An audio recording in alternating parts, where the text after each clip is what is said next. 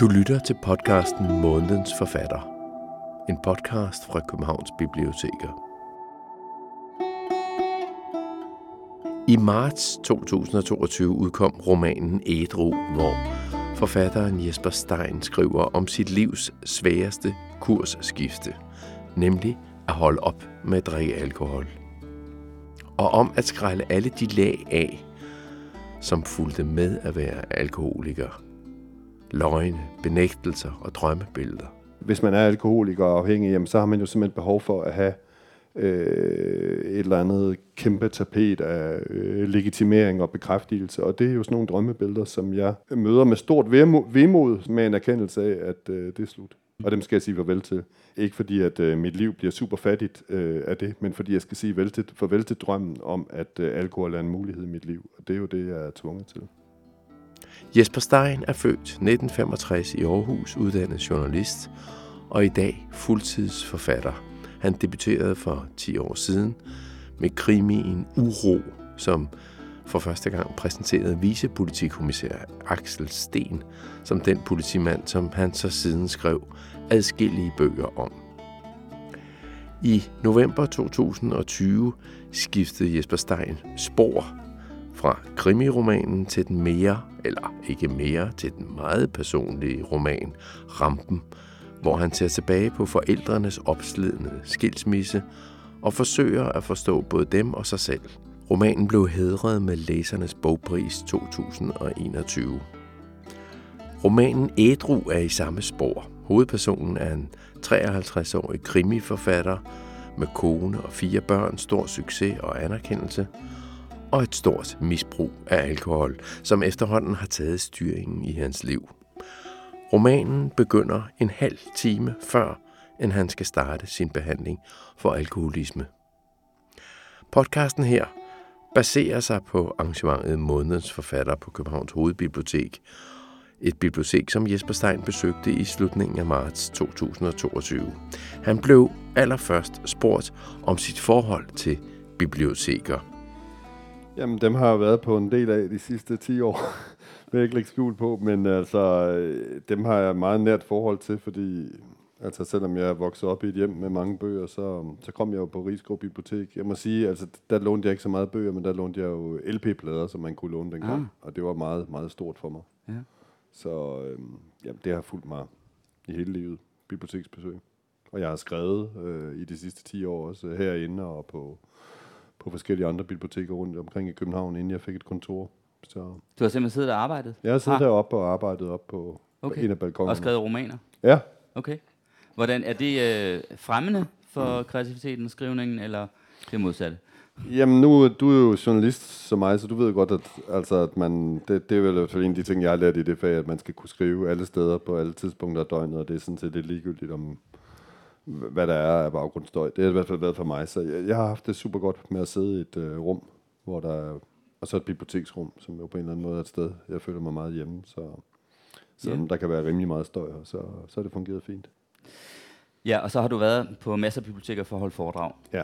Jesper Stein bliver i denne podcast interviewet af Paul Pilgaard, som har en helt anden indgang til alkohol end den tørlagte alkoholiker Jesper Stein. Paul Pilgaard er journalist på Weekendavisen og vært for vinpodcasten Flaskens Ånd og holder, ligesom Jesper Stein, foredrag på landets mange biblioteker. Nu skal, det er meget sjovt, fordi jeg holder jo også foredrag, øh, men jeg holder jo så foredrag om vin. Ja. vi, er, det, er, vi er et interessant par.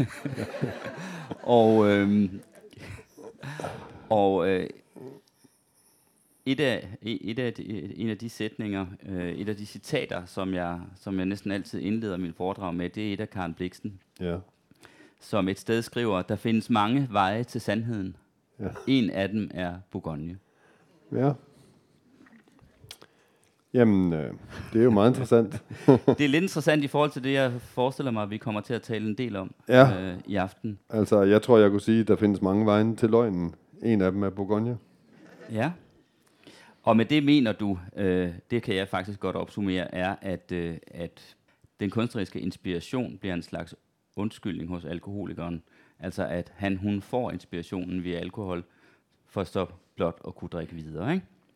Altså, jeg vil ikke sige, at det er sådan noget, som jeg mener 100% fast, og du vil sikkert også kunne komme med et eksempel eller tre, som, som modbeviser det, men jeg synes, det, altså, det er da mit bud, mm. ud fra egne erfaringer og ud fra et, øh, altså med det, øh,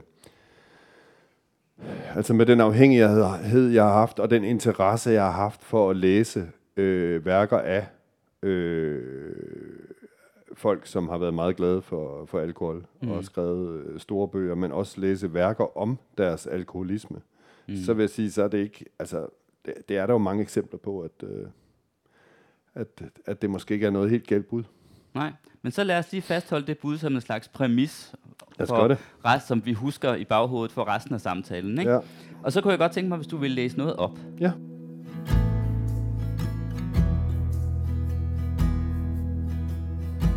Begæret som et lyn i hver blodåre, et råb gennem mørke gader, en stor stabel tømmer, der pludselig skrider og rumler tungt afsted. Jeg havde så meget lyst, når jeg havde tømmermænd. En uforfærdet, spontan og direkte lyst, der fik mig til at kontakte kvinder, uden at lægge skjul på, hvad jeg ville. Og når jeg var fuld, kom begæret også brølende. Ikke det fysiske, men et emotionelt begær efter at blive begæret og være begærlig. Som et levn fra de tidlige teenageårs fester, hvor et diskotek på ungdomsskolen i Vejleby først var helt vellykket, når man endte med at kysse lille Hanne på dansegulvet. I brænder den udvides feltet, begærsfeltet. Jeg bliver i stand til at opføre mig anderledes offensivt og kægt. Jeg bliver den mand, som kønsrollerne dikterer, jeg skal være. Jeg får mod, bliver dristig, hvor jeg før var generet og passiv. Og jo fuldere jeg bliver, det større bliver mængden af mulige kvinder. Jeg sænker barrieren for, hvem jeg er tiltrukket af. Jeg slækker på gravene, smider mine hæmninger og giver fanden i det hele. Åh, vi kan jo bare knæppe, og det er så skønt indtil næste dag. Jeg har svært ved at finde mig selv i det nu. Finde ud af, om jeg ikke mister noget smukt og skønt, dionysisk og livsbekræftende. Men jeg fortæller mig selv, at det jo egentlig er meget federe at have sex, når man er ædru og kan mærke det hele. Jeg sidder i stolen ved vinduet på 12. etage i hotelværelset sterile tidslomme og ser på dobbeltsengen. Der må have lagt madras til kaskader af kønssafter og akrobatiske sidespring. Jeg har selv været på sådan et værelse engang efter en julefrokost med Suleima fra marketing, der viste sig at hedde Jasmin næste morgen. Jeg hader at skrive dette. Jeg vil være urørlig. Jeg vil ikke adskilles fra det jeg, der havde ekstatiske og fandelig voldske oplevelser, når han var nøgen og beruset og festlig og lysten. Det jeg, der gjorde nogen glæde med sit begær og sin potens og sin dristighed og sin kunden. Men jeg skal adskilles fra det. Skal jeg ikke? Eller hvilke dele af det får jeg lov til at beholde? Og jeg tænker på rusen som en tilstand, hvor andre bliver forvandlet til ting, fordi man selv fylder alt. Ens følelser svulmer, ens tanker og sansninger er så betydningsfulde i brændertens asymmetriske lys, at andre bliver statister eller genstande. Kvinder bliver kroppe, objekter, muligheder for at blive hensat i begærets ekstase, hvor jeg endelig er sluppet af med min generthed og mine hæmninger, og nu er fræk og provokerende og kode. Jeg tør så meget, både før og under akten, så selvfølgelig skal jeg tage dig på spisebordet. Du skal hænge i lysekronens krog.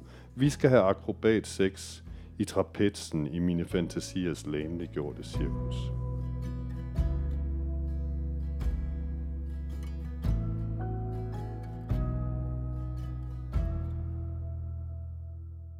Hvordan går det med sexlivet i dag? Det går okay. nu var du blevet ædru.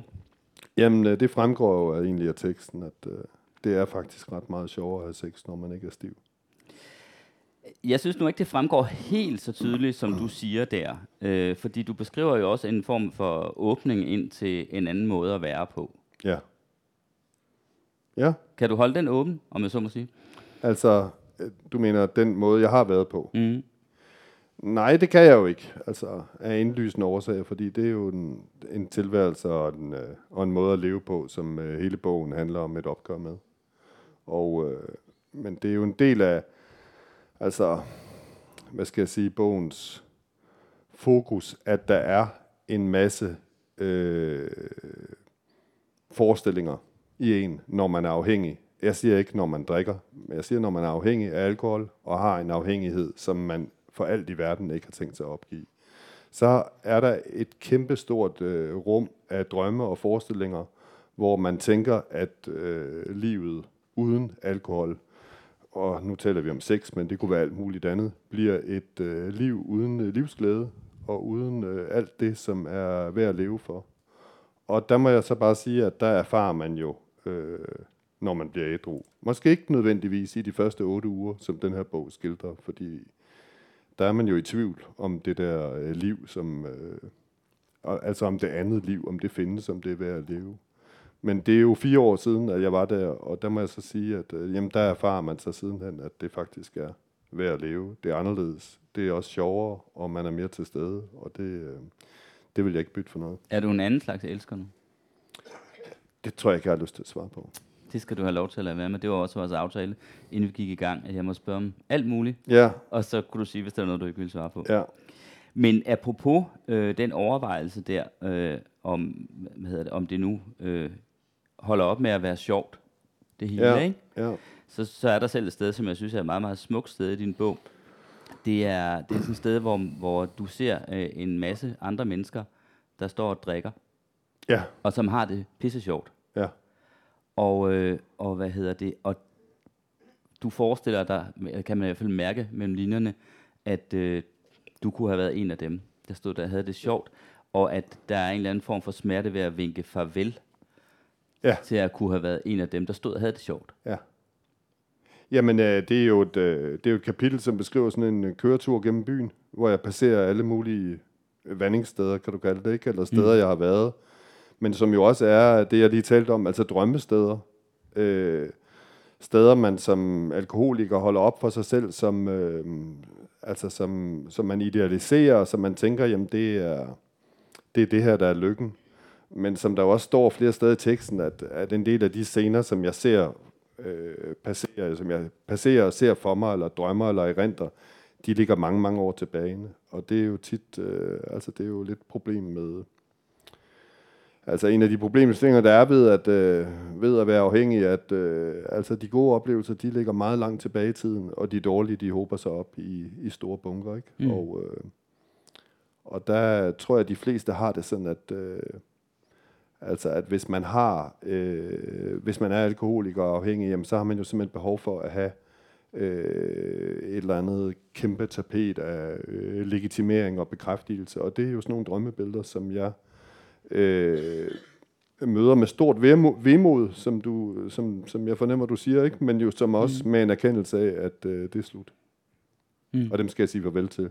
Mm. Ikke fordi, at... Øh, ikke fordi, at øh, mit liv bliver super fattigt øh, af det, men fordi jeg skal sige vel til, farvel til drømmen om, at øh, alkohol er en mulighed i mit liv. Og det er jo det, jeg er tvunget til. Mm.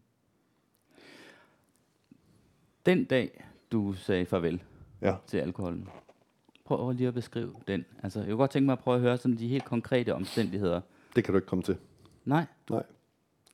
Ja, fordi de vedrører nogle øh, mennesker, som er meget tæt på mig, og dem, øh, altså, jeg har, altså, der er jo en årsag til, at hverken min, øh, mine børn eller min øh, ekskone figurerer i, i bogen. Og, øh, og der er en årsag til, at, at jeg aldrig taler om dem, fordi øh, de, skal, altså de har krav på privatliv, og hvis deres historie skal fortælles, så skal det aldrig være mig, men af dem selv. Så, mm. så det, og de er involveret i, i lige netop det, du beder mig at fortælle om, så det kan jeg altså ikke fortælle om. Okay. Men du skriver faktisk i bogen et sted, at, øh, at der er ingen, der, der er ingen, der selv finder vej ud, tror jeg måske lige fra. Ja. Det er du, Jamen, det udtryk, øh, du bruger. Ja, Hvis jeg husker ret, øh, man bliver presset ud af det, af ja. de nærmeste. Ja. Jamen, det, altså, sådan kan jeg da også sige, at sådan var det for mit vedkommende. Det er jo, jeg skriver jo præcis i bogen, hvad der sker. Øh, jeg bliver afsløret, og, øh, og så siger jeg, at jeg selv går i behandling, men, men der er jo ikke noget heroisk eller øh, ærefuldt i den beslutning. Det er jo bare et spørgsmål om at komme, øh, altså komme nogen i forkøbet, fordi hvis jeg ikke selv havde sagt, at jeg gik i behandling, så var der nogen, der havde... Øh, altså der havde sagt det for mig, mm. eller stillet mig nogle konsekvenser i udsigt, som var så øh, ødelæggende for mig, eller så svære for mig at bære, at jeg ville være nødt til det. Ja. Så, så det er omstændighederne, hvis jeg skal beskrive dem. Så tæt kan jeg komme på. Det er også godt. Nu kommer der virkelig kliché-spørgsmålet, ja. og det er mest oplagt af alle, men jeg stiller det alligevel, fordi det er jo det, man stiller sig selv. Øhm, og som man garanteret også stiller dig hele tiden. Hvorfor tror du, du blev dranker? Øh, er det ligegyldigt, om man siger dranker eller alkoholiker? Altså, jeg siger aldrig dranker, jeg siger Nej. kun alkoholiker, men det må du selv om. Det, det, det vil jeg ikke blande mig okay. i. Du må sige, hvad du vil. Nej, altså, øh, det, det er der jo ikke noget sådan øh, indlysende svar på, eller øh, oplagt svar på. Altså, man opererer jo tit med, at der ligesom er tre faktorer i alkoholikers liv, eller tre, altså tre ting i spil, ikke? At der er noget genetik, det er der ikke et sekund i tvivl om, at jeg har. Øh, og, øh, og der er noget miljø, altså som handler om, vokser man op i et miljø, hvor alkohol er meget tilgængeligt, det ved man jo fra forskning, at at der er x antal procent større chance for, at du ender som alkoholiker, hvis du op, vokser op i sådan et miljø, eller i et miljø, hvor, der ikke er, altså, hvor man ikke drikker alkohol overhovedet. Så det handler jo om tilgængelighed også, ikke? Mm. Og så er der så noget, man kalder udløsende faktorer, og det er jo, de er meget tit til stede, i særlig grad i mænds liv, men jo også i kvinders, ikke? Altså at det kan være fyring, skilsmisse, dødsfald, hvad ved jeg ikke. At, øh, og det kan også være nogle små ting, som vi jo andre måske vil tænke, hm, det er ikke udløsende faktorer, men som for alkoholikeren måske skubber ham eller hende ud over kanten.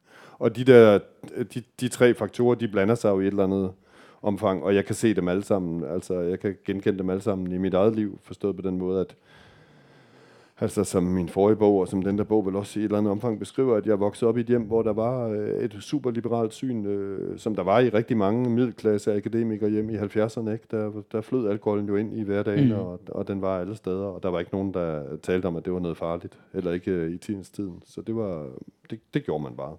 Og så, øh, og så er der vel øh, altså øh, den, øh, og jeg vil ikke sige, at det er den ud, altså jeg blev alkoholiker, fordi mine forældre blev skilt, fordi det blev jeg jo ikke, altså det vil være meget forsimplet, men der er ingen tvivl om, at den sådan meget øh, klaustrofobiske og skærpede situation, jeg befandt mig i, da jeg var 16-17 år gammel i mit hjem, øh, alene med min mor, som var meget ulykkelig, at, øh, og den øh, altså øh, dårlige, altså hvad skal jeg, var umoden, og jeg var ikke super god til at dele med mine følelser, at der fandt jeg ud af, at alkohol det var sådan et vidundermiddel, der kunne øh, altså lukke det der ned, og så bringe mig ud i øh, rigskov og i verden, og feste og møde piger og have det sket. Og, øh, og det virkede. Og den, og den lærdom, tror jeg, tog med mig, at øh, lige så snart jeg stødte på... Øh, svære ting i livet, så, øh, så lærte jeg, at øh, men det var, der var ikke, som der var en, der sagde til mig, at der er ikke nogen problemer, der er så, der er så store, så de ikke kan drikkes væk. Og det er fandme løgn. men, øh, men det har jeg altså arbejdet meget med i mit ja. liv, vil jeg sige. Det er ikke, det er ikke en problemløsningsmodel, jeg Nej. kan anbefale. Ja, men fordi det slog mig faktisk, da du, øh, før, da du så nævnte de der tre ting, man så klassisk siger. Ja. Skete et eller andet her. Man så klassisk siger, øh, kan, kan være baggrund eller led til alkoholisme. øh, der er jo egentlig umiddelbart sådan et fravær af en psykologisk forklaring. Det var mere sådan nogle meget konkrete, nogle der har været drukket alkohol i hjemmet, og altså tilgængelighed osv. Men selv en, en, hvad skal man sige, en psykologisk forklaring, som du så begynder at nærme dig der med dine forældres skilsmisse, ikke? Jo. Men tror du... Ja, altså, men der er jo mange, altså der er jo super mange... Øh ting i spil, øh, kan man sige. Og det er jo ikke længe siden, at uh, Lone Frank i din egen avis uh, skrev en glimrende artikel, ikke, hvor man pludselig går ind og siger, jamen, jamen det handler i høj grad om tilgængelighed, og i høj grad mm. om, uh, altså, og meget mindre om genetik og så videre. Ikke? Det, der er mange forskellige bud på det, ikke? Og, i, og i sådan, hvad skal man sige, alkoholbehandlingsbranchen, der arbejder man jo meget med, at at vi er alkoholikere, vi skulle ligesom have nogle, altså nogle særlige svagheder, eller nogle særlige kendetegn, ikke? at vi skulle være øh, super dårlige til at dele med, øh, altså med, med følelser, at følelserne bliver meget store for os, både de negative og de positive. Mm. Og, det, øh, og der bruger vi så alkoholen til at, til at nivellere, og det er jo en, øh, altså det er jo en psykologisk forklaring, og, og den ved jeg ikke, om jeg sådan øh, altså specielt kører ind på, fordi jeg kender der mange øh, folk, der har det problemer, som ikke er alkoholikere, ikke? Altså, men jeg kender der også mange alkoholikere, der har det problemer. Men de har jo generelt altså en, en, altså en pæn ophobning af problemer, ikke? Mm. Eller det har de i hvert fald fået i løbet af livet, ikke? Så det, det er svært at sige. Altså, jeg, det, jeg, jeg er jo ikke... Øh, altså, jeg, kan, jeg, jeg, jeg interesserer mig jo for de der forklaringsmodeller, og så prøver jeg at spejle mig i dem, og, og der er ikke nogen af dem, jeg kan genfinde mig selv i, men, øh, men de er jo også lavet til sådan nogen til mig, så... Mm. Prøv, at, øh, prøv lige at, at sådan genkalde dig for nogle år tilbage, sådan en formiddag hvor du så skulle til at sidde og skrive. Ja. Måske alene hjemme. Ja. Din kone taget på arbejde. Ja. Børnene i skole og så videre. Ja. Øhm, hvad er det for en følelse, der ligesom bemægtiger sig der, når du ved tanken om, at nu kan du gå ud og tage et glas? Jamen, det gjorde jeg aldrig. Det gjorde du ikke? Nej, altså jeg har aldrig drukket om formiddagen. Okay. Så, øh, Hvor altså, langt skal vi så ind på dagen? Jamen altså, vi skal tit hen, altså hvis jeg var alene og ikke skulle hente børn og så videre, ikke havde ansvar for børn, så skulle vi måske hen på eftermiddagen, men altså hvis jeg var i selskab med min familie, så skulle de jo sove først, så der kunne godt blive 10 om aftenen. Mm-hmm. Ikke, så. Hvordan kunne du lade være? Hvad hedder det? Øh... Altså med at drikke? Ja.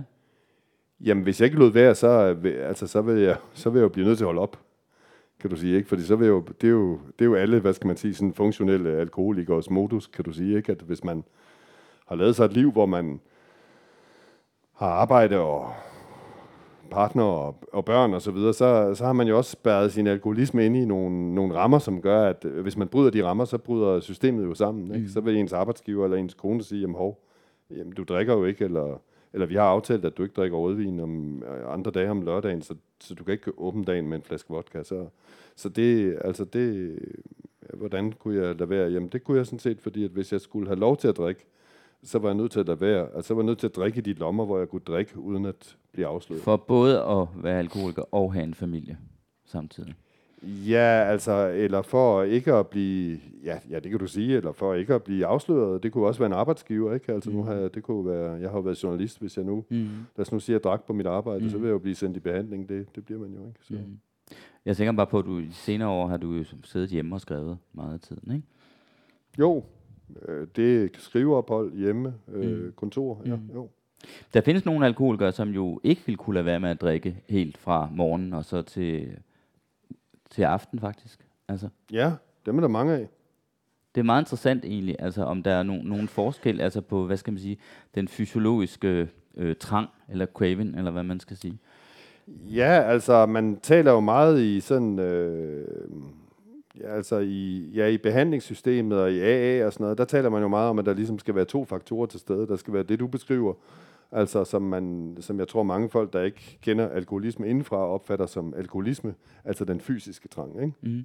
Men øh, altså, vi andre, vi opererer jo også med den psykiske trang, som er meget betydelig, og som jo er den, du så at sige skal have bortopereret i, øh, og som, som jeg og jeg og fortælleren får bortopereret, kan du sige, i, mm. i behandlingen, ikke? Fordi det er den, der, altså, det er ikke så, altså, det, kan det, det er selvfølgelig svært at øh, hvad skal man sige, at, øh, at komme af med den fysiske trang, men det tager ikke så mange dage, altså før kroppen jo holder op med at crave det. Det tager jo en 3-4 dage, så er du afruset, ikke?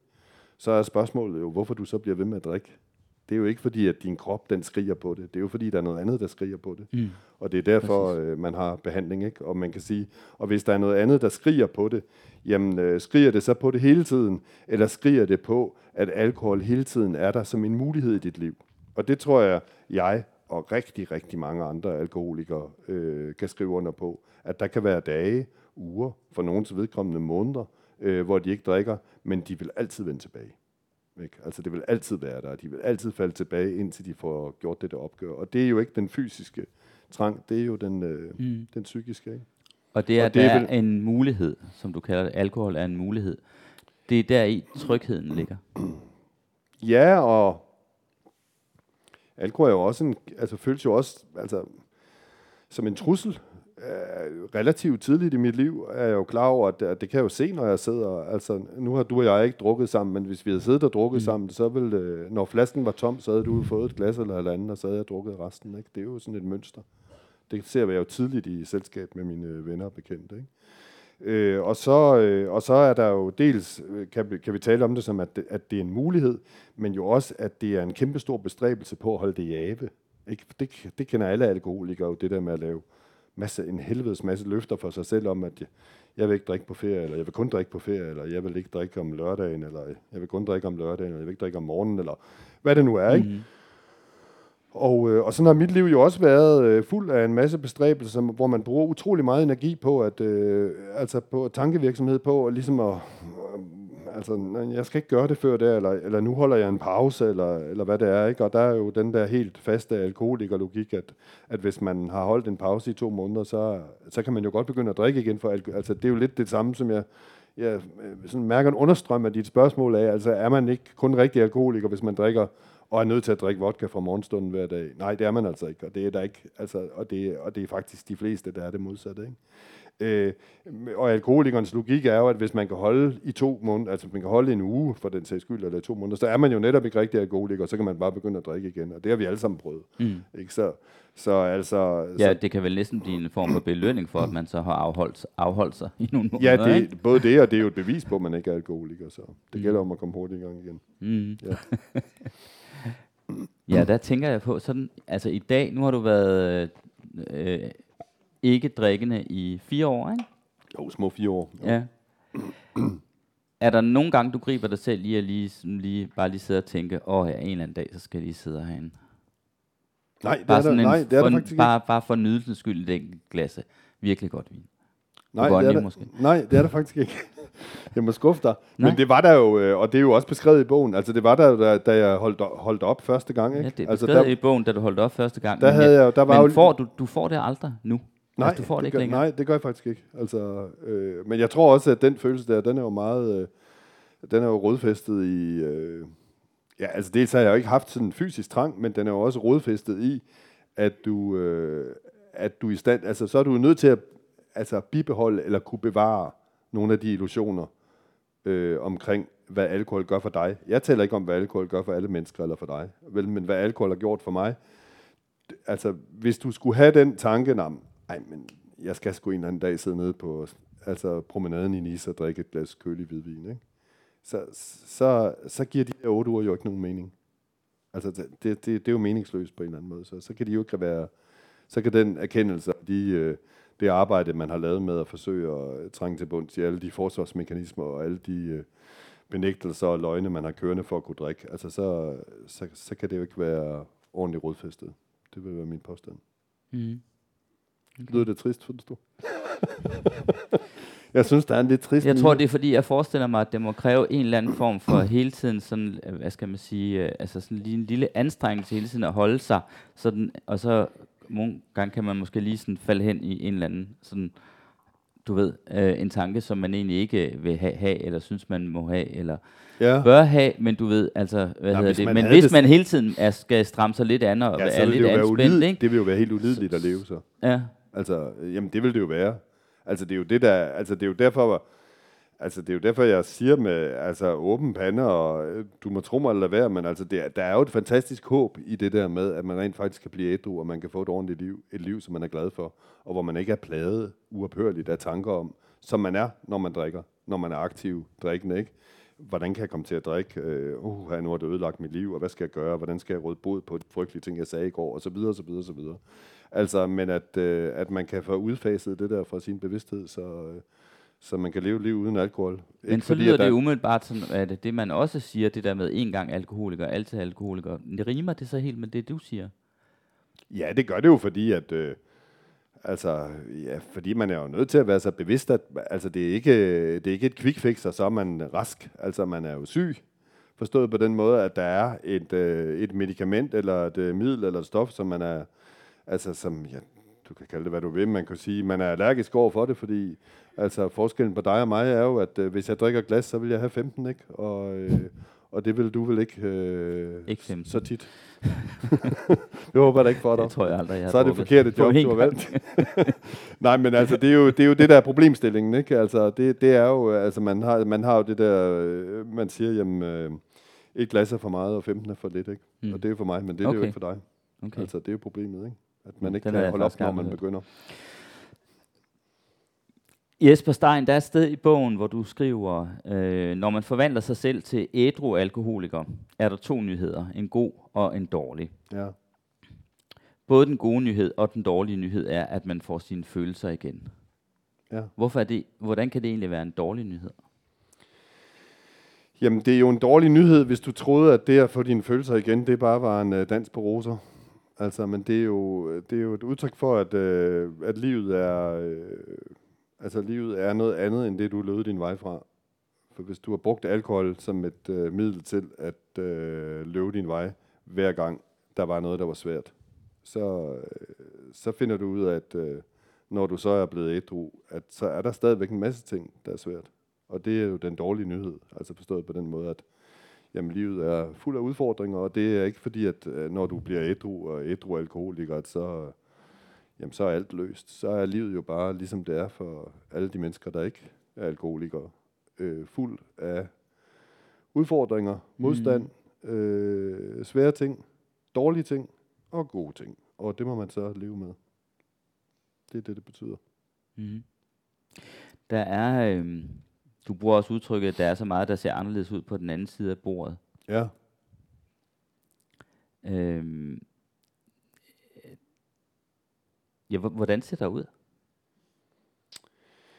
Jamen, der ser meget, meget anderledes ud. Altså, det gør der måske specielt i, øh, i den der fase, når man er helt, øh, hvad skal jeg sige, nyædru, ikke? Øh, helt øh, øh, ja, spulet ind i hovedet af, af alt det der halvøje, man har været igennem, og, øh, og nu sidder og kigger på, øh, på det liv, man har levet, og måske, som jeg gør i bogen, jo meget kigger på, øh, både på litteratur, men jo også på øh, den branche, jeg har befundet mig i, den, øh, altså, som der står et sted med et citat fra Ejner Mark Gudmundsen, en, en branche, hvor det er hvidvinsvær 365 dage om året, ikke?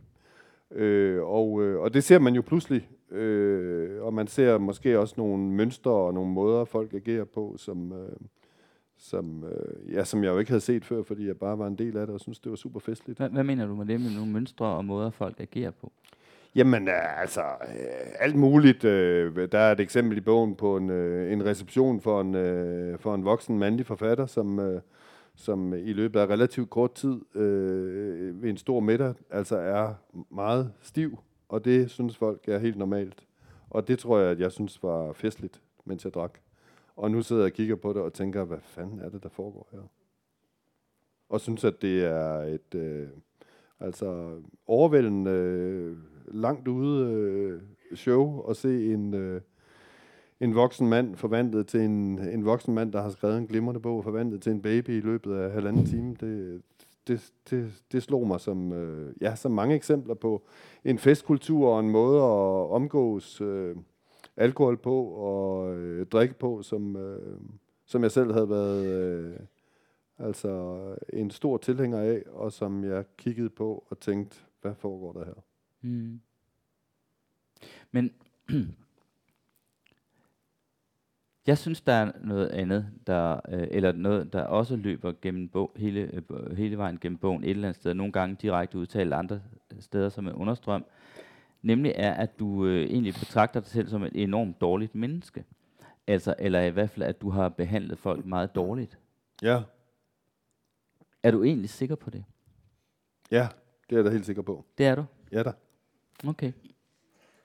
Men bare fordi dem, jeg kender, der kender dig, de synes alle sammen, de synes ikke, der er ikke nogen, der synes, at du har behandlet dem dårligt. Nej, men de har, For eksempel. Ikke, de har jo heller ikke været gift med mig, eller måske Nej. Været, været mine børn. Nej. Nej, men altså, det er jo, altså, ja, det er jeg sikker på. Øh, ja. Øh, og det er jeg sikker på ud fra den betragtning, at, øh, at i kølvandet på en alkoholiker, der er øh, nogle skæbner, som øh, kommer til at lide under de, øh, ja, under de svigt af den måde, man opfører sig på, og det er jo øh, altid dem, der er tættest på. Så dem, du kender, som, øh, som kender mig, de har jo nok ikke været så tæt på mit misbrug i, i de perioder, hvor det var værst. Nej, men, men øh, Jesper, du slipper ikke helt så let, for du skriver det faktisk næsten selv. Hvordan er det nu, du skriver? Du skriver noget i retning af, at, øh, at andre nok ville se nådigere ja. på dig. Ja, end jeg selv gør end jeg selv gør. Ja. End du selv gør. Ja, men altså... Lige præcis. Ja. Så jeg tænker på, er der også et, et behov for ligesom at, hvad skal man sige, virkelig få statueret, at det er virkelig meget, meget dårligt at drikke? Altså, fordi øhm. så behandler man for eksempel folk rigtig dårligt, øh, og så videre. Nej, altså der, er, altså, der er i hvert fald øh, grund til at sige, at der er intet behov for at få statueret, at det er dårligt at drikke. Det synes jeg, I skal blive ved med, lige så meget I vil men det er dårligt at blive alkoholiker. Ja. Ikke? Og det er det, fordi at, mm. altså, det kan jeg se i mit eget liv, og det kan jeg se i øh, mødet med hundredvis af mennesker, som jeg kender, som er alkoholikere, og som har fortalt mig om deres liv. Og det er fyldt med øh, skæbner, som ligger i den inderste ring omkring dem, og som øh, har fået, øh, ja, altså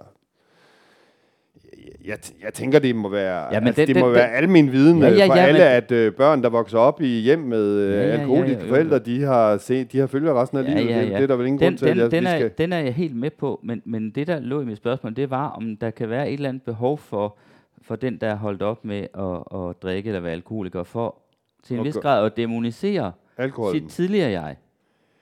Øh, det er jeg, der var, ja, da man altså, drak. Det, det var det, jeg mente med spørgsmålet. Ja, Altså, jeg tror, jeg må sige sådan, at det, altså, der kan jeg ligesom, altså, der er, altså, min oplevelse var, da jeg holdt op med at drikke, og, altså, og det gik jeg ud og fortalte alle mennesker, jeg kendte, at de delte sig ligesom i to, altså, og, og nu var du jo ikke en, jeg kendte, så det her sagde mm. du ikke dengang, men mm. jeg så godt tillade mig at sige det, uden du bliver fornærmet, men der var ligesom, altså to grupper, der var den gruppe, som selv, øh, altså var meget glad for at drikke, og som havde drukket rigtig meget med, og de synes præcis det, du siger der.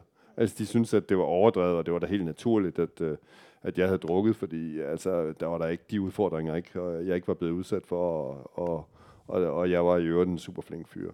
Og så var der så nogle andre mennesker, som måske havde et andet forhold til alkohol, og som måske også stod tættere på mig, og som, øh, som så det på en lidt anden måde, og godt kunne se, at der var brug for det øh, selvopgør, eller der var brug for den, øh, hvad skal jeg sige, øh, altså, øh, ja, skånselsløse eller ærlige blik på, øh, på, hvad der var sket i livet.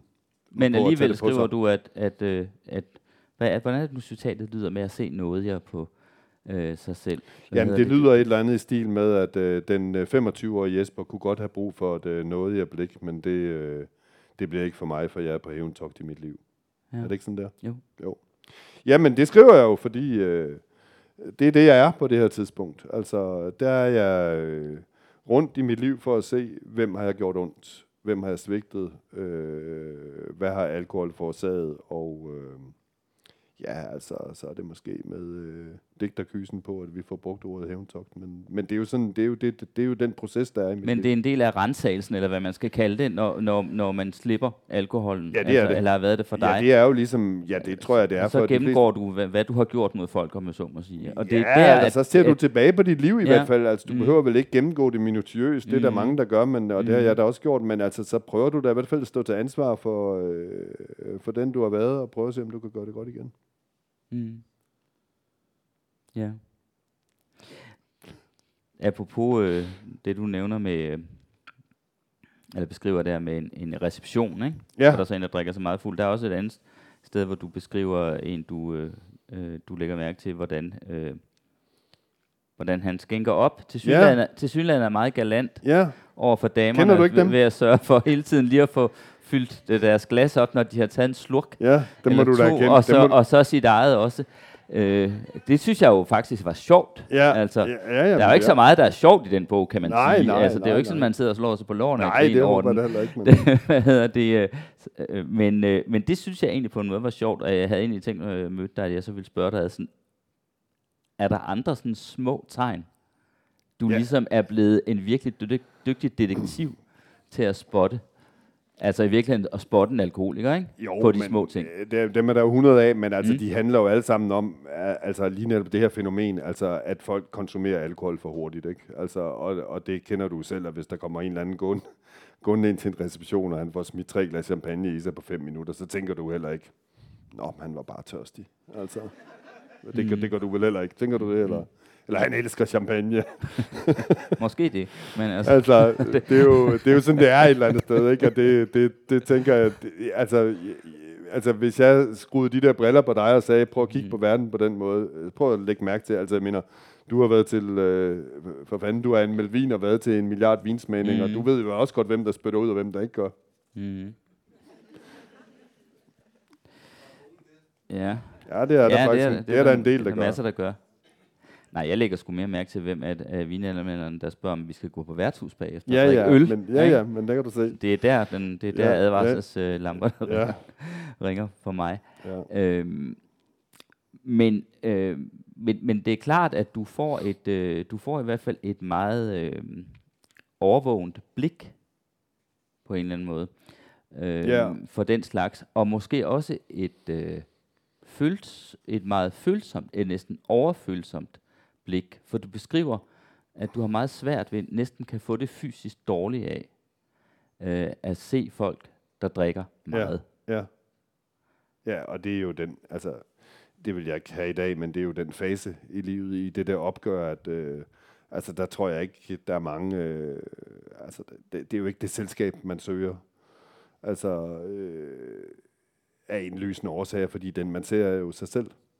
Og, øh, og det er den person, man gerne vil væk fra, og, øh, og man vil gerne have en anden tilværelse, så det synes jeg egentlig er meget logisk. Apropos det, vi lige talte om før, øh, hvor jeg spurgte dig, om, om der på en eller anden måde er behov for en vis form for demonisering af det, den man har været, ja. når man er blevet ædru, ikke? Ja. Øhm, den tager du faktisk, øh, den tager du faktisk øh, relativt langt ud i bogen. Der er et sted, hvor du direkte skriver om, at du nok selv har været grusom. Ja. Ja. Du skriver, der er nok der er en stor risiko for, at det selv har været grusom. Ja. Selvom du ikke lige kan komme på det. Der. Ja. Ja. Ja. Men har fortrængt det. Ikke? Det er det, du skriver. Ja, det tror jeg, det er, ja. Det er jeg er med på. Det der er en stor, ri- Olof Enqvist, ja. stor risiko ja. for, at jeg selv har været grusom, øh, men fortrængt det. Ja. Men hvorfor egentlig det blik? Altså, fordi man kunne jo lige så vel sige, det kan da sagtens være, at du ikke har været grusom, og at du egentlig udmærket kan huske, hvad du har gjort. Godt være, at du har været dum svin indimellem, og opført dig dårligt osv., men ligefrem grusom. Jeg vender tilbage til det for at sige, at øh, jeg synes igen her, man ser sådan et vist behov for at, hvad skal man sige, altså virkelig, om man ikke udslette, så i hvert fald, øh, hvad hedder det nu om dagen, hate på ja. det tidligere jeg. Ja, ikke? sådan ser jeg det ikke. Altså, Nej. men, men, øh, og du læser jo meget tekstnært, så det, det kan jeg jo, men jeg må så prøve at forklare, hvad jeg mener. Ja. Og øh, altså, øh, altså det, det er egentlig meget banalt, og det er jo selvfølgelig udtrykt på mange forskellige måder, og det er jo udtrykt i bogen, fordi at, at, at jeg og jeg på det der tidspunkt står jo et eller andet meget søgende, famlende sted, og ved ikke, hvordan, øh, hvordan jeg skal komme igennem den her proces. Mm. Og har en fornemmelse af, at det, der tårner sig op foran mig, er øh, udslettelse af mit jeg, og er jo bange for øh, den proces, jeg skal i gang med og, øh, og, og forestiller sig alle de her ting, som du, du selv nævner. Men det handler jo altså banalt set om, at et eller andet sted bliver jeg jo også mere og mere klar over, at, at det, der skal til, er, at, øh, at jeg skal i gang med en kæmpe stor hovedrengøring i mit liv, og se på øh, alle de steder, hvor... Øh, Altså, hvor jeg har svigtet og såret folk. Ikke fordi, at øh, jeg er, altså har nogle store øh, flagellantiske, øh, masochistiske træk, men fordi jeg gerne vil øh, forsøge at gøre det godt igen, og komme videre, og komme et andet sted hen. Og jeg vil gerne leve på en måde, øh, uden de løgne, som, øh, som der jo også bliver brugt meget tid på i bogen at behandle, og som på en eller anden måde er meget nært knyttet, ikke til alkohol, men til alkoholikernes brug af alkohol. Ikke? Øh, og derfor er, er altså og, der, og, og de derfor er helt øh, nødvendige på en eller anden måde at kunne øh, at skulle trænge igennem og skille sig af med. Du nævner selv, at øh, du jo er fra øh, at du er, en, er, er en generation, som på mange måder øh, har fuldt sin lyst, ikke? Ja, det har den. Og så forestiller jeg mig bare på en eller anden måde, at, at øh, drikkeriet så måske på en eller anden måde kan være en turbo på den måde at være på.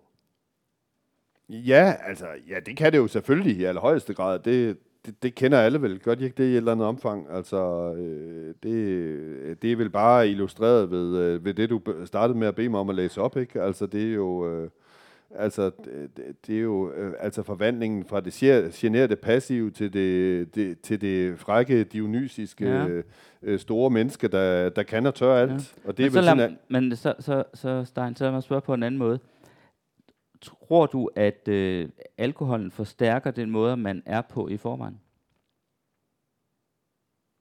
Altså den måde, som alkoholikere reagerer på, tror du i virkeligheden, at det bare er en hvad skal man sige, ja, en forstærkning af, af, af tendenser eller, eller ting, man har i sig selv i forvejen? Nej. Nej. Det tror jeg ikke på. Det er noget radikalt anderledes? Nej, det er det ikke, men jeg tror ikke på, at det bare er, øh, altså, det bare er det. Altså alkohol får jo... Øh, altså alkohol, jamen altså, hvad gør alkohol? Alkohol gør jo alt muligt hvor, ved vores bevidsthed, ligesom drømme gør alt muligt ved vores bevidsthed, og får os til at gøre ting, når vi er fulde, som øh, vi ikke har lyst til at gøre i ædru tilstand, i, i fuld og ren bevidsthed, ligesom vi foretager os ting i drømme, drømmer om at gøre ting, som, øh, som vi aldrig nogensinde kunne finde på at, øh, at gøre i virkeligheden. Jamen, sådan virker alkohol, og selvfølgelig er alkohol ikke en eller anden løsrevet, øh, øh, hvad skal man sige, væske, som bliver induceret i en, og så skaber en eller anden øh, verden, der ikke har nogen som helst forbindelse til dig. Men øh, altså, ja, så kunne jeg måske svare ja, både og, ikke? Ja, selvfølgelig forstærker det nogle sider af ens personlighed, og selvfølgelig skaber det også nogle ting i en, som, øh, ja, som dårligt nok er der. Og som i hvert fald aldrig vil manifestere sig i dit liv, i øh, levende liv, hvis ikke du var stiv. Mm. Nu vil jeg godt øh, læse noget op for dig. Ja. Det er Søren Ulrik Thomsen. Ja. Det er et citat af ham. Øh, han skriver, jeg vi tror, tror, vi tager hele passagen her. Jeg kan i høj grad føle med misbrugere og har stor respekt for deres kamp mod afhængighed, men jeg giver ikke noget for myten om den drikfældige kunstner. Og jeg kan ikke udstå klichéen om de indre dæmoner. Fint skal det åbenbart være. Mange kunstnere mener, at deres druk skyldes, at netop de er nogle særlig store og følsomme personligheder. I virkeligheden bliver det fleste temmelig hurtigt til den samme aggressive og selvmedlidende åndsbygmæ. Så langt er I enige, tror jeg. Ja, ja, det er jeg meget enig i. Præcis. Ja. Så fortsætter jeg her. Alkohol er rasende farligt, for jeg tror faktisk, at det i begyndelsen kan åbne for nogle sluser i skriveriet. Ja. Men lige så umærkeligt vender det. Først gør spiritusen kunstneren langt bedre, end han troede muligt, men før han får set sig om, er han i stedet blevet meget dårligere, end han burde være. Ja, men det er jeg sådan set enig med ham i. Det er du enig i. Også at alkohol rent faktisk kan øh, virke som en katalysator for det kunstneriske. Ja, det Åbne står, sluserne det, det står flere steder i bogen. Kunstneriske. Synes jeg. Altså, ja. det, det, det er da helt, altså det, Jamen altså, Søren Ulrik Thomsens øh, store lyriske kollega, øh, som døde tidligt, Michael Strunge, sagde jo for eksempel, at øh, jamen, han drak et til to glas rødvin, og så holdt han op, og så kunne han skrive. Altså, ja, det, det er jo indlysende, at alkohol jo øh, kan åbne noget. Men det handler jo om, hvornår du holder op med at drikke, ikke? Altså, hvis du drikker 10 glas rødvin, så, så tror jeg ikke, der kommer meget interessant lyrik ud af det. Nej. Fordi meget af bogen handler jo, eller er jo et opgør med myten om kunstneren, der drikker. Ja, den alkoholiserede kunstner. Præcis. Altså ikke, altså ikke kunstneren, som drikker en martini om eftermiddagen, eller som har et sundt forhold til alkohol, og måske drikker sig fuld hver lørdag, men kunstneren, som drikker, og mener, at alkohol er en del af hans øh, skabelsesproces. Ja. Ja noget, der, om man så må sige, åbner sluserne. Ja, ikke bare det åbner, kreative, det ja, ikke bare åbner sluserne, fordi det synes jeg, der mm. står helt tydeligt i bogen, at, uh, at det har jeg ikke nogen... Uh, altså, det vil, kunne jeg ikke finde på at anfægte, at alkohol virker på den måde. Men altså, en alkoholiker er jo ikke en, der drikker to genstande. Det er jo en mand, der drikker 15 eller 20 eller 50 om dagen, ikke? Og, mm. uh, og, og tørrer ud. Og, øh, og, og dem er der jo nævnt en del eksempler af både verdenslitteraturhistorie og, og dansk litteraturhistorie. Eksempler på forfatter, som er altså tørret ud på en dybt tragisk og sørgelig måde, og måske har de, er de blevet ved med at skrive. Altså F.P. Jak, hvad gjorde han? Han skrev måske 3, 4, 5 banebrydende digtsamlinger, og så skrev han den samme igen i 30 år, mens han lå marineret i snaps. Lad os prøve at få nogle af de andre navne. Ja. Er det mig, der skal nævne ja. dem? Jamen altså, Hemingway er han ikke et godt eksempel på mm. en mand, hvis øh, store litterære produktion ligger i hans ungdom, hvor han også drak, men øh, altså øh, tør ud og øh, har en litterær karriere, der går vel sådan her, så er der måske lige den, den lille spids ved den gamle mand af havet. Altså, der, der er jo lavet store studier, amerikanske bøger og undersøgelser af, Jack London og Faulkner og alle mulige forfatteres litterære karriere, hvor man har sammenlignet med, øh, altså med, hvad de har lavet og med, hvad de har drukket, og hvordan deres alkoholisme har formet sig, og det, det ser ret ens ud. Den graf kunne jeg godt tænke mig at ja, se det men altså, jeg ved ikke, det er ikke grafer, det er, det er bøger, ja. ikke, hvor man har skrevet om dem og Nu kan man vel ikke, altså hvis man nu lige skulle være djævnens advokat, så kan man vel ikke nødvendigvis konkludere, at det var på grund af alkoholen, at de, at de så ikke blev ved med at skrive gode bøger. Der kunne jo være andre forklaringer også. Der kunne jo være alder, for eksempel, eller at der ikke var mere at skrive på, eller der kunne være andre ting i privatlivet. Jamen, Man kan øh, det er muligt. Være, det er kan, muligt. kan vel ikke være sikker? Nej, men jeg, jeg mener heller ikke, at det er en afhandling, jeg har lavet. Det er jo en Nej. personlig bog om et opgør med alkohol. Men det, det ligger der i hvert fald rigtig, rigtig, rigtig, rigtig meget på sinde at få slået fast, eller få den myte slået i tu om, at alkoholen på en eller anden måde uh, genererer kunstnerisk skabelse eller et overforbrug af alkohol. Gør det. Ikke? Ja, jeg tror ikke på det, men altså, jeg, det, det er jo frit for dig at, at tro på det modsatte. Ja, men jeg vil jo bare sige, altså det, det ligger mig på sinde, fordi det ligger mig på sinde på det tidspunkt.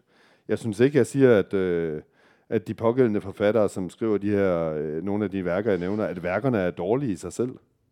Men, øh, men altså, øh, det er jo et blik på den måde, alkohol manifesterer sig i litteraturen på, på mange forskellige måder, ikke bare i form af, at folks litterære karriere tør ud, men jo i form af et fuldstændig uh, ureflekteret blik på, hvad alkohol også gør ved uh, nogle af de her forfattere, og hvordan de forholder sig til den. Mm. Men en eller anden sammenhæng er der jo så, at, at den, måske en anden vej rundt. Altså alle kender jo sådan ligesom, men det er jo også næsten en kliché at tale om en fordrukken kunstner, ikke? Jo. Øhm, øh, men, men, men den findes jo, fordi man, øh, man og samfundet og folk jo så har mødt mange af dem, om jeg så må sige. Ja, derfor, ja. derfor eksisterer klichéen, ikke? Øh, og jeg tror, øh, og jeg kan heller ikke komme med nogle videnskabelige afhandlinger, det beviser det, men, men min fornemmelse er, at der er en højere, et højere, hvad skal man sige, der er forholdsvis flere alkoholikere blandt kreative og kunstneriske mennesker, end der er i befolkningen som helhed. I gennemsnit. Tror du ikke det? Nej, det tror jeg faktisk ikke. Det tror du ikke? Nej, det tror jeg ikke. Men jeg tror måske, at der er bare en større accept af dem i, i den branche, end, end, end der er i en del andre brancher. Altså, det er ikke mit indtryk. Det er øh, sjældent, vi snakker om en fordrukken kontormand, eller en fordrukken shippingmand, eller en fordrukken... Nej, men han er der. Det kan jeg love dig for. ja. Altså, de er jo alle steder, mm. ikke? Men, øh, men altså, det er vel også sådan, at hvis du nu er ansat i Mærsk og kommer til et møde om formiddagen inde på... Øh, med nogle øh, chefer eller nogen, eller du er konsulent, der kommer ind og siger, øh, jamen fint nok, men jeg vil godt lige have en flaske hvidvin på bordet. Altså, så vil du nok få sparket, ikke? Men, øh, men altså, det skulle da helt så sige, det kender da mange forfattere, der ikke vil have noget. Altså, der vil der være nogle forlæggere, der vil have meget travlt med at komme ned i kantinen og hente en flaske hvidvin til, mm. til et formiddagsmøde, hvis det mm. var det, det handler om. Mm. Altså, det er vel bare en, der er vel, det, det er vel ikke, det er vel ikke forkert at sige, øh, du kender jo selv forlæsverden lidt, at der er en, altså, det er jo en af de få øh, brancher, hvor der stadigvæk er et utroligt liberalt syn på, øh, mm. på alkohol. Altså, kunne man forestille sig ude på, altså hvis man havde en, øh, en konference for forsikringsagenter ude i Bellacenteret, at man i baglokalet serverede hård spiritus og rødvin for dem, der var op på talerstolen, så man har det på en del forlag ude øh, på Bogforum. Kunne man forestille ja, sig det? Det kunne man måske ikke. Nej. Men jeg kan faktisk en historie fra, fra, ja. fra, fra, fra, fra hvad hedder det, erhvervslivet, eller fra et, et miljø, øh, øh, nemlig, øh, det var faktisk en, øh, en fyr, der hed Troel, som jeg gik øh, i klasse med på Journalisterskolen. Han havde været advokat. Han havde så mistet bestillingen på en eller anden måde. Øh, jeg tror måske, han havde fusket lidt, men han var, han var, men han var, han, han var en sjov mand, og så havde han været forsvarer for Bøje Nielsen. Bøje Nielsen, der jo gik konkurs. Ja. Øh, og Bøje Nielsen var jo meget fordrukken, og der fortalte han en gang, hvor de skulle til, møde, øh, til det afgørende møde i Danske Bank, som foregik i Danske Banks hovedsæde, ind i et gigantisk mødelokale med et enormt bord med plads til 24, sikkert bestyrelseslokalet. Og der sad så på den ene side legnet op fem direktører hvad hedder det, fra Danske Bank, og så på den anden side sad så Bøje Nielsen og Troels. Og før de gik i gang, så sagde Bøje Nielsen, mit krav for at gennemføre det her møde, det er, at jeg skal have to flasker whisky og to flasker sødmælk. Ja, og to øh, liter sødmælk. Og det øh, hentede en af direktørerne. Okay. Så, og så drak han først en øh, liter mælk, fordi så kunne han drikke whiskyen, ja, uden, ja. At, øh, uden at hans mave blev ødelagt. Ja, og så en liter mælk igen, og så videre. Ja. Så det foregår altså indimellem sådan i forretningsverdenen. Ja, ja, okay. Trods alt. Ja, ja. trods alt. Nå, hvad hedder det? Jesper, når jeg, når jeg, når jeg øh, har, hvad skal man sige, øh, fokuseret så meget på, øh, på det her med, øh, dels om du, øh, om du måske demoniserer øh, dig selv lidt for meget, og ja, ser ja, lidt for hårdt ja, på dig ja. selv, og øh, om du øh, er, hvad skal man sige, virkelig, virkelig tydeligvis har et stort øh, behov for et opgør med myten om, om, at alkohol er fra fremmende, øh, meget alkohol er fremmende for kunsten og for kunstneren. Så er det fordi, og det bliver det sidste, jeg vil spørge dig om, øh, lidt provokerende her. Øh, fra religion, der kender vi jo, at folk, der konverterer. Ja. og bliver enten ateister, eller hvad hedder det, konverterer til ateismen, ja, eller konverterer ja, til en ja. anden religion, det bliver de mest rabiate. De går i den anden grøft. Ja. Ikke? Har du overvejet, om du måske selv går i den anden grøft? Lidt i den anden grøft? Øh, Jamen, du har jo læst bogen, ja. så du ved jo, jeg har overvejet det. Det står jo 50 steder. Altså, der står jo mange, mange steder i den bog, øh, jamen, hvad er det, der venter mig? Og, og gør jeg kun det her, fordi jeg er nødt til at øh, tage, tage afstand? Og, øh, øh, altså, det er jo en... Øh, og, og særligt på den her, i den her fase af mit liv, der overvejer jeg det jo hele tiden at øh, jamen, er det så min eneste måde, øh, min eneste chance for at komme væk fra alkoholen, er det ved at forkaste og forsage, som du selv øh, antyder det, altså i nærmest en religiøs forstand, alt hvad der har med den at gøre. Så det har jeg jo overvejet i, eller, i allerhøjeste grad, og jeg bliver slet ikke provokeret af, at du spørger om det, fordi det er jo, det er jo et indlysende spørgsmål. Altså, og, og jeg kan sige sådan, at hvis jeg havde læst den bog, øh, mens jeg drak, så havde jeg tænkt, hold da kæft for en hellig prins. Mm. Ikke? Så, øh, og det er rigtigt. Jeg havde, har, har læst i bogen, øh, at, øh, at du har overvejet, men det øh, ved publikum jo ikke. Nej, nej, men det, synes nej, jeg, men det er ja, men spørgsmålet her, og nu skal publikum okay. i det hele taget ja. simpelthen have chancen yes. de sidste fem minutter. Ja. Hvis der er nogen, der vil kommentere på noget af det, Jesper Stein har sagt, eller, eller stille spørgsmål. Hej. Øhm, Jamen, jeg synes nu egentlig i modsætning til dig, Paul, at, at bogen den, er, den også har humor. Jeg synes, du beskriver det også på en selv. Øh, du har noget selvivni i det. Øh, der er der nogle sjov. Jeg har da grint flere gange, blandt andet, hvor der kommer en turist og, og spørger, om du er syg, og du siger, nej, jeg er ædru. Altså, det er beskrevet Nå, rigtig... Rigtigt. Øh, ja. Jeg grinte også, da du beskrev om øh, øh, den her alkoholiker, som, som, øh, som har, er igennem en, en, en kæmpe nedtur i New York, og han kommer hjem, og så skal han det hele, men så er det hvidvinsvær. Altså, mm. og, man, og man kan jo godt også, altså, man kan også genkende noget i det, der grinte jeg også. Og så mit spørgsmål er også til dig. Alle alkoholikere vil jo gerne opnå, det tror de i hvert fald i starten, jeg vil kunne kontrollere det. Mm. Ikke? Fuldstændig som du også siger, jamen, er du, altså, altså, hvorfor skal du gå over i den anden grøft? Jamen, hvorfor kan man ikke kontrollere det? Hvad er det, som gør, at man må stoppe det helt? At man ikke bare kan gå ud, fordi nu er det hvidvinsvær. Bare tag en. Ja, jamen altså, øh, det har du sådan set selv givet svaret på. Altså, man kan jo ikke kontrollere det. Altså, man er afhængig, og man kan ikke kontrollere det, og man er nødt til at komme det sted hen, hvor man finder ud af, at det kan man ikke. Og inden man kommer derhen, hvor bogen starter, altså hvor øh, jeg kom hen den dag, kan du sige, der har man jo forsøgt, altså det har alle alkoholikere. Jeg, jeg har ikke hørt nogen alkoholikere, som er gået fra full-blown øh, alkoholisme i x antal år, og så holdt op med en dag. Altså, det har jeg ikke, det har ikke mødt. De findes muligvis, men så er det en ud af meget få. Så det, man oplever, er jo bare, at folk forsøger igen og igen øh, at kontrollere det på alle mulige måder, og det starter jo typisk med, som, som vi også var inde på, altså at man siger, nu holder jeg en pause og alt det der løg. Ikke? Og, og, og alle kontrolforsøg, øh, og du nævner selv, det er Ejner Mark Gudmundsen, ikke? Der, der, der kommer hjem til hvidvinsværet, der, altså efter han faktisk har været inde til samtale med en alkolog på et behandlingscenter, og han har været igennem den frygteligste druktur, så er det, at han kigger ud af solen skinner, og så kan han se det hvidvinsfærd, så ombestemmer han sig skulle lige. Og det er jo det, vi, øh, altså man kalder, altså den der benægtelse, som man hele tiden har kørende, at hver gang man nærmer sig erkendelse af, at okay, det her det skulle virkelig nok et alvorligt problem, som jeg overhovedet ikke kan styre, jamen så får man på en eller anden måde benægtet sig væk af det. Ikke? Og det er jo den proces, der er i alkoholikernes liv, hvor man kan sige, jamen, det, det, altså, at ja, hvorfor kan man ikke styre det?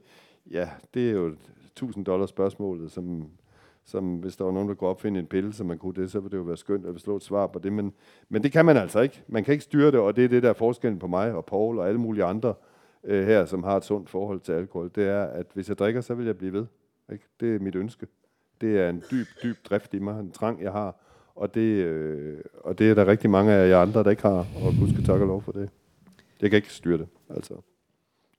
Øh, jeg ved ikke, om det er rigtigt et spørgsmål, men altså, jeg har selv, øh, altså for syv år siden cirka, øh, der indså jeg også, at øh, det kunne jeg ikke tåle, det der øh, alkohol.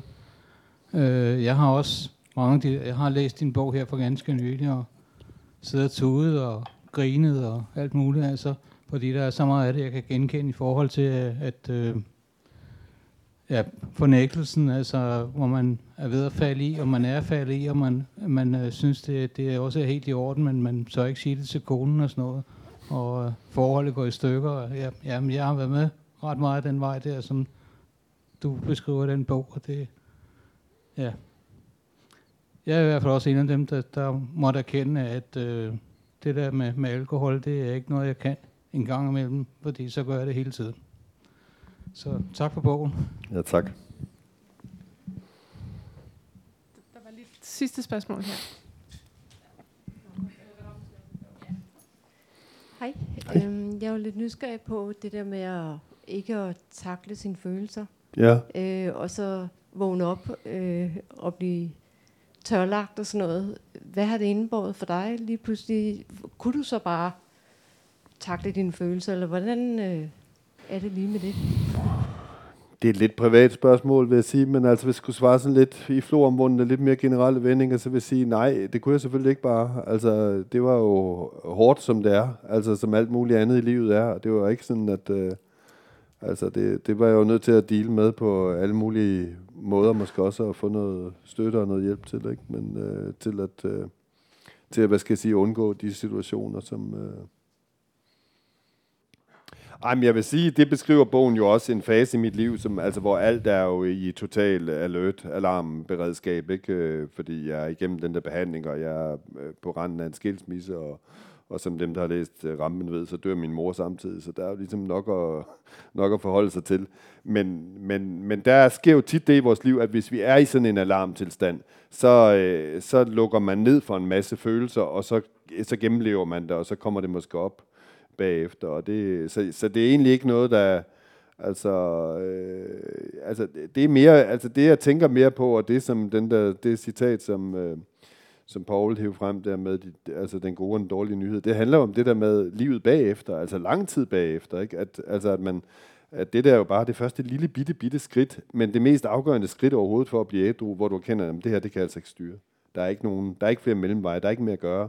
Der er ikke noget med, at jeg en eller anden gang kan sidde ned på promenaden og drikke glas hvidvin, for så kommer jeg til at drikke fire flasker. Ikke? Altså, og, så, og det vil jeg aldrig igen. Så, så, øh, og så begynder livet jo bagefter, kan du sige. Det er jo ikke, det, det er jo ikke en beskrivelse af, at livet er æbeskyndt, vel? Det er jo et nøgent menneske, der står tilbage bagefter bogen og skal i gang med at leve og finde ud af, hvordan, hvordan fanden gør man det. Og det gør man jo, altså, og det er lige så pissebesværligt for ham, som det er for alle mulige andre. Men der er måske de udfordringer, han ikke har været vant til at dele med det. Øh, og det kommer så, øh, det kommer så hen ad vejen. Tak til ja. Jesper Stein. Ja. Jeg siger også tak.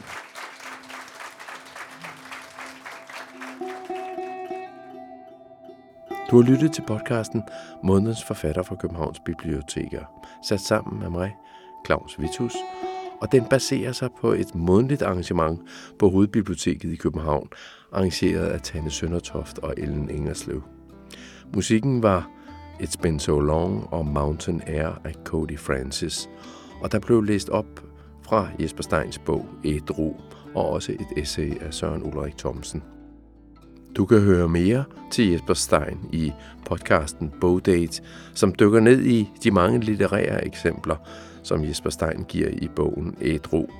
Det kan du høre om i Bogdate, der udkommer i april 2022, og du kan finde både den og alle mulige andre podcast fra Københavns Biblioteker på vores hjemmeside altså Københavns Biblioteker, og led under fanebladet Lyd, der ligger ja, podcast til alle tider, både til børn og voksne, til nogen, der er interesseret i børnelitteratur, bag om København, månedens forfatter eller bogdays. Mit navn er Claus Vitus på Genhør.